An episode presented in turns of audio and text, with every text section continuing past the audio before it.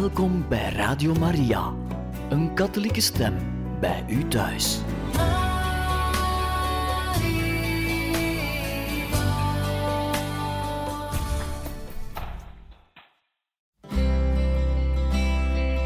Welkom bij Boekat, een programma van Radio Maria.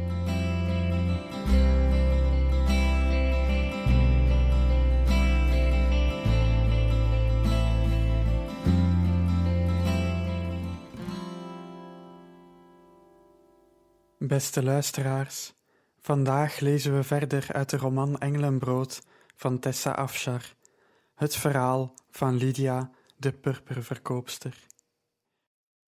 Hoofdstuk 57 Dan heb je een toekomst.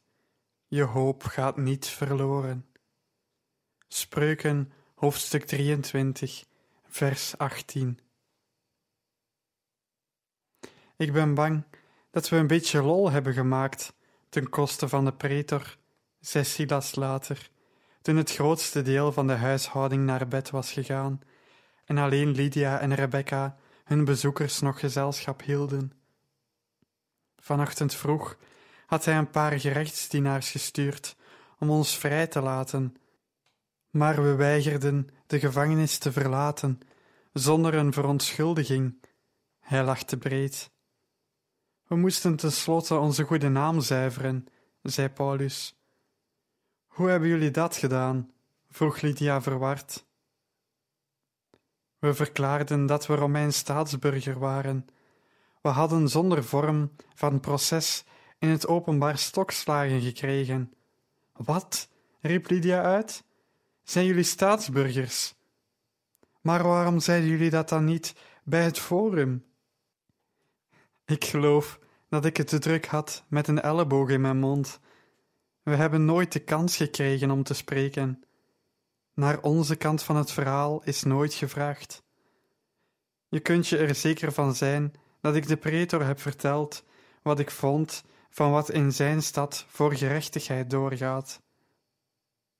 Lydia dacht aan de pompeuze Romein en Paulus' scherpe tong en grinnikte. Wat zei hij toen? Hij slikte een paar keer krampachtig en bood excuses aan namens zichzelf en heel Filippi. Paulus trok aan zijn baard. We willen je niet tot last zijn, Lydia. We hebben ons best gedaan om onze naam te zuiveren, maar het lijkt erop dat de inwoners van Filippi een afkeer hebben gekregen van onze gewoonten. We zullen je met rust laten, zodat je bedrijf geen schade leidt door onze aanwezigheid. Lydia staarde Paulus een ogenblik aan voordat ze tot een gewichtige beslissing kwam, een beslissing die haar leven kon veranderen. Ze hoefde niet na te denken over de beslissing om haar nieuwe vrienden in huis te laten blijven, hoewel het gevaar opleverde. Maar het besluit om hen haar verleden toe te vertrouwen was een ander verhaal. Niemand in Filippi, behalve Rebecca, kende het verhaal van haar vader. Door het geheim te bewaren was ze veilig en werd ze niet te gronde gericht. Maar in dit gezelschap, waar de gevangenis een gezegende plek scheen te zijn, een plek van verlossing en lofzang, voelde ze zich zelfs met haar geheimen beschermd. Meester Paulus, zei ze met een bevende stem, mijn vader was Eumenes van Thyatira. Hij is ook vroeger eens gegezeld om een onrechtvaardige beschuldiging. Hij is erom in de gevangenis gezet, anders dan u, is hij bezweken onder het gewicht van zijn lijden. De dood heeft hem van mij afgenomen. U mag in mijn huis verblijven zolang als u wilt. Het is mij een eer om u als gast te hebben. Geen gevangenis, geen litteken zal u in mijn ogen verlagen. Er viel een diepe stilte, terwijl ieder voor zich Lydia's onthulling verwerkte. Marcus pakte haar hand en hield die even vast. Ik ben een man die vroeger gediend heeft als slaaf en vaak de volle laag heb gekregen van een onverschillige zweep. Wat erg om te horen hoe je vader heeft geleden. Hij zal in ons midden geen veroordeling vinden. Iedereen knikte instemmend. Lydia voelde tranen over haar wangen lopen. Ze droeg de opgekropte, onderdrukte bitterheid en angst van jaren met zich mee. Door haar zo eenvoudig te aanvaarden, hadden deze mannen haar bevrijd van een schande die ze nooit had hoeven te dragen. Marcus hief een beker wijn en nam een slokje. Ik wist niet dat jullie Romeins staatsburgers waren, zei hij tegen Paulus en Silas, zodat Lydia even de kans kreeg om zich te herstellen. Paulus haalde zijn schouders op. Het leek niet belangrijk. Moet ik spreken over God of over mijn status in de wereld? Mijn staatsburgerschap is in de hemel. Later, toen Lydia de kans had gekregen om bij te slapen en zich beter uitgerust voelde, vond Marcus haar op een marmeren bank in de binnenplaats. Hij ging naast haar zitten en speelde met een franje van het kussen. Je hebt met je eigen verschrikkingen te strijden gehad. Lydia wierp hem een snelle blik toe. Ja, voordat ik Jezus kende, ontmoette ik een Perzische priester, die me de legende van de geduldige steen vertelde. Volgens de Perzen bestaat er een magische steen die het vermogen heeft om de ondraaglijke pijn van ons verdriet weg te nemen. Als je hart verbrijzeld is en je bent aan het eind van je krachten, als de pijn in je leven ondraaglijk is geworden, kan de geduldige steen je redden. Het enige wat je hoeft te doen, is hem in de palm van je hand houden en je verhaal te vertellen aan de steen. Als je verdriet echt en diep is, zal de steen in tweeën breken. Daarbij zal hij een druppel bloed vergieten. En met dat breken en bloeden wast hij de last van je verdriet weg. De herinnering zal blijven, maar het gewicht zal weg zijn, in de steen overgegaan bij zijn dood. Nadat ik dat verhaal had gehoord, hunkerde ik ernaar zo'n steen te bezitten, om die vast te houden en verlost te zijn van mijn verdriet. Het wonder is dat ik hem heb gevonden in Jezus. Het lijden van de menselijke ziel is ernstig en vreed genoeg om zelfs de hardste steen te doen breken. Genoeg om een steen te laten bloeden. En ieder hart behoeft een geduldige steen. Daarom heeft God ons er een gegeven, geen legende, maar een echte verlosser van vlees en bloed, die breekt en bloedt voor de dingen die ons hebben verbrijzeld. Die hoop is het anker van onze ziel, stevig en veilig, tegen alle ongeluk die als een storm uit ons verleden en onze toekomst blaast, houdt Hij ons vast. Lydia blies uit, een anker voor haar ziel. Marcus stak zijn hand uit. In zijn palm lag een kruis, schitterend gesneden uit een glanzende zwarte steen. Dit heb ik voor jou gemaakt, als herinnering op de zware dagen die ons allemaal overvallen, een herinnering dat je een eigen geduldige steen hebt. Langzaam nam Lydia het kruis aan. Het was het mooiste geschenk dat ze ooit had gekregen. De volgende ochtend voegde Marcus zich bij Lydia, alsof het zijn normale gewoonte was om met haar samen te werken. Ze genoot te zeer van zijn gezelschap om bezwaar te maken. Halverwege de ochtend kwam Rebecca hem zoeken. Meester Marcus, wilt u alstublieft even kijken naar de latijbalk boven de werkplaats? Er lijkt een scheur in te zitten. De latijbalk? Die marmeren met die bloemen? vroeg Lydia. De metselaar die we hadden aangenomen zei dat die er over honderd jaar nog zou zitten, en ik weet zeker dat we daar nog een paar jaar vanaf zitten. Ik zal eens kijken, zei Marcus. Samen liepen ze de straat op en keken omhoog naar het marmer. Dat is een scheur, dat kan ik met professionele zekerheid bevestigen, zei Marcus. Wees maar niet bang. Ik zal geen rekening sturen voor die diagnose. Hoe kan dat? Lydia deed een paar stappen dichterbij en tuurde om de bron van de schade vast te stellen. Marcus kwam bij haar staan. Ik zal naar boven moeten om beter te kijken, voordat ik de oorzaak kan bepalen. Lydia haalde een blok en zette die pal onder de latijbalk. Marcus keek met gefronst voorhoofd toe toen ze erop klom. Pas op, Lydia. Misschien is het niet veilig om vlak onder de marmer te staan, voordat we hebben vastgesteld wat er mis mee is. Ik ben zo klaar. Boven op de blok kon Lydia niet meer zien dan op de stoep.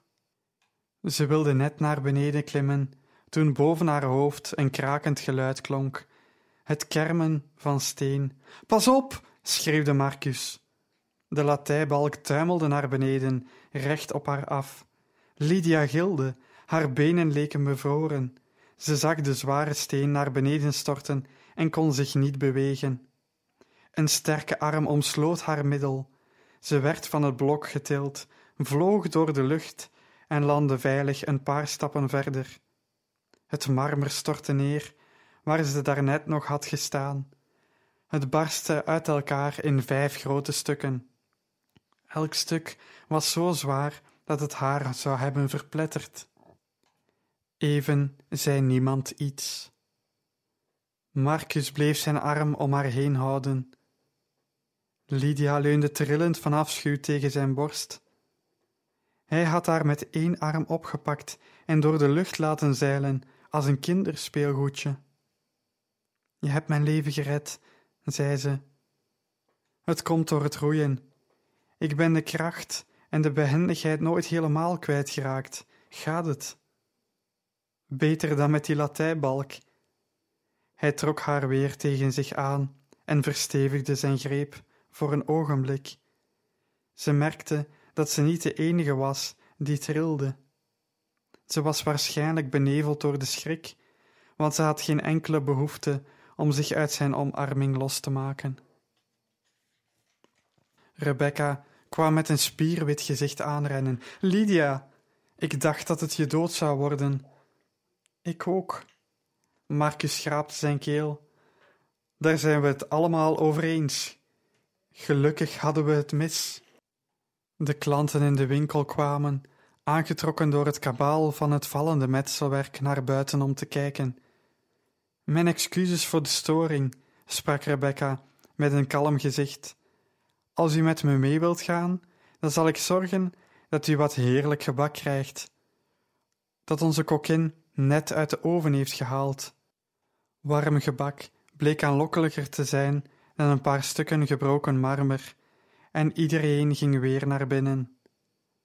Marcus hurkte neer om de kapotte stukken gehouwen steen van alle kanten te bekijken. Zijn gezicht stond grimmig toen hij opstond. Iemand heeft die latijbalk met opzet losgemaakt. Ik kan de bijtelsporen zien. Waarschijnlijk is op die manier de scheur ontstaan. Lydia schudde haar hoofd. Dit moet het werk van Antiochus zijn. Is hij nu zo diep gezonken dat hij mijn werkplaats gaat beschadigen? Ik zal het marmer laten vervangen. Hij had per ongeluk iemand kunnen doden, die dwaas.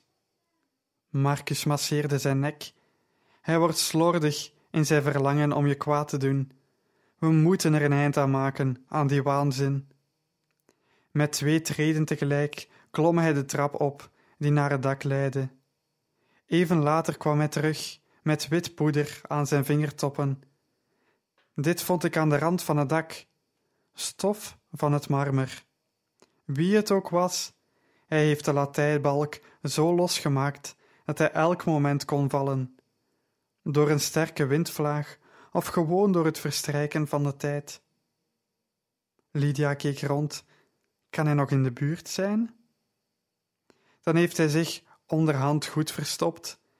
Ik heb geen spoor van hem gezien. Lydia sloeg haar hand voor haar mond. Epaphroditus. Marcus keek haar scherp aan. Het moet uren werk geweest zijn om dat marmer los te maken. En Epaphroditus zou gemist zijn als hij zo lange tijd afwezig was. Hij kan het gedaan hebben toen iedereen sliep. Te luidruchtig. Er zouden er meerdere mensen wakker geworden zijn van het lawaai. Het kan Epaphroditus niet geweest zijn. Lydia knikte. Degene die de latijbalk had beschadigd, maakte geen deel uit van haar huishouding. Daarmee bleven talloze andere naamloze mannen over als mogelijke dader.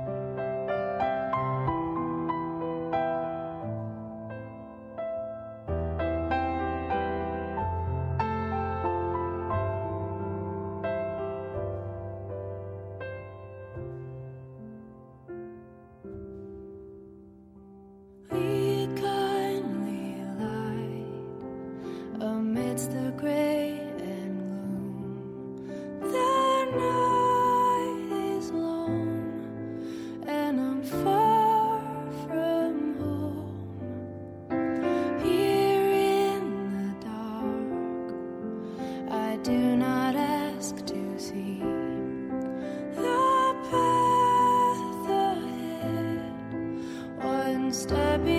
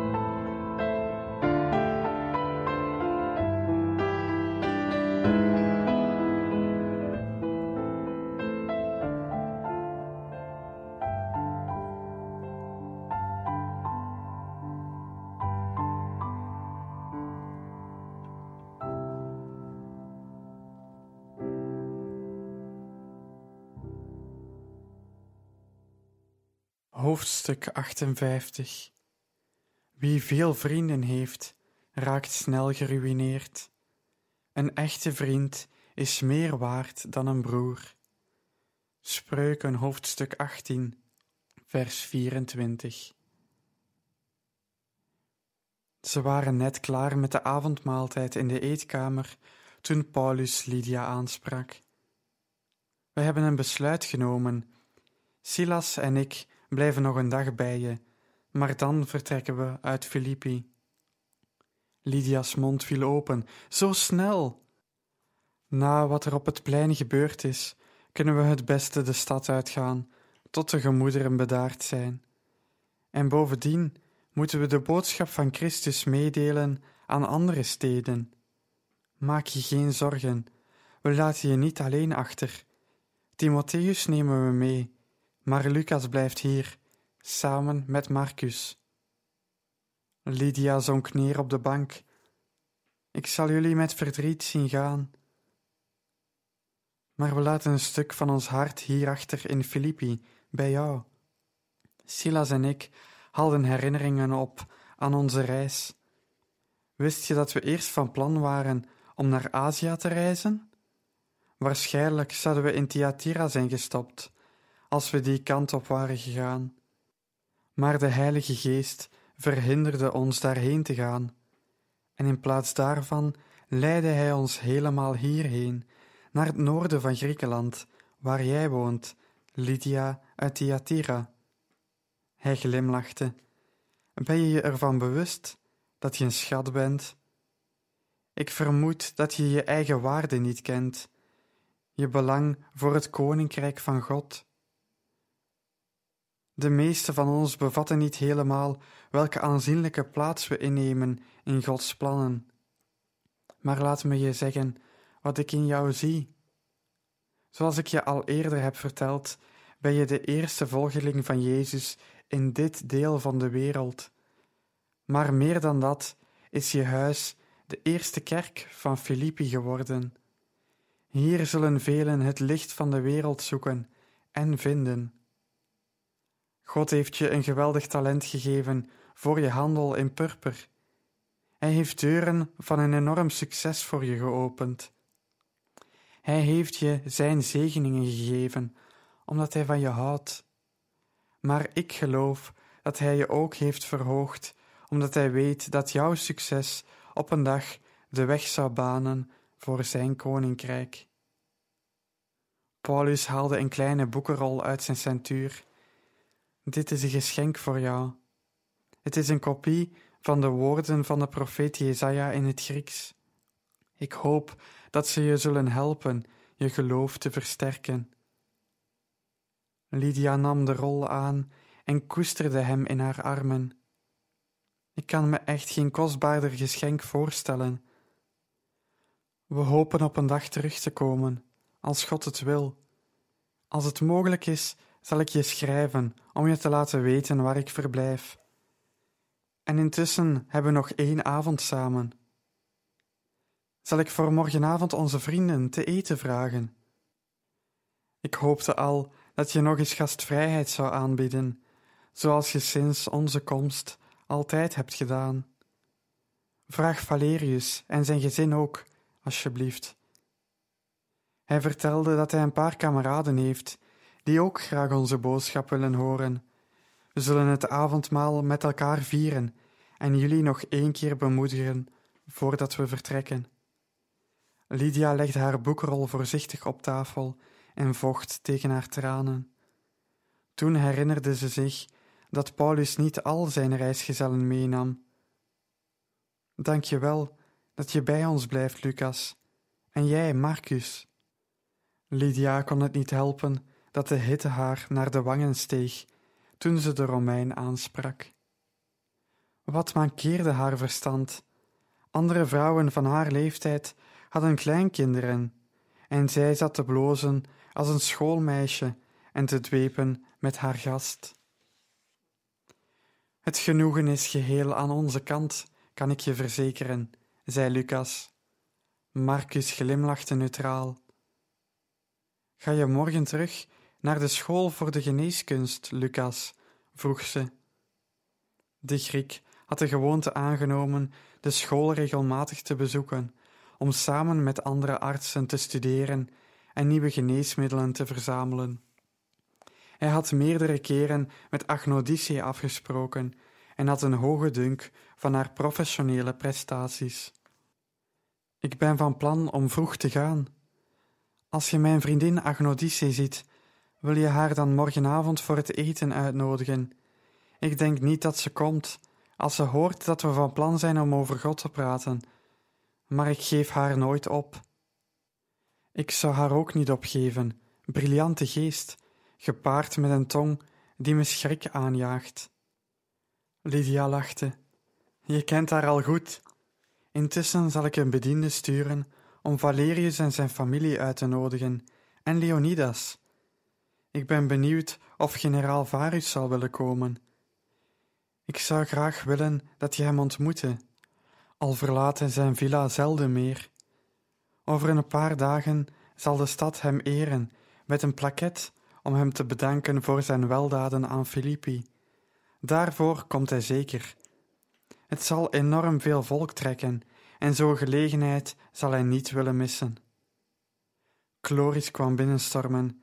Het kind scheen van nature onbekwaam tot fatsoenlijk wandelen. Ik heb goed nieuws voor u, mevrouw, zei ze met haar hoge stem. Lydia fronste haar wenkbrauwen.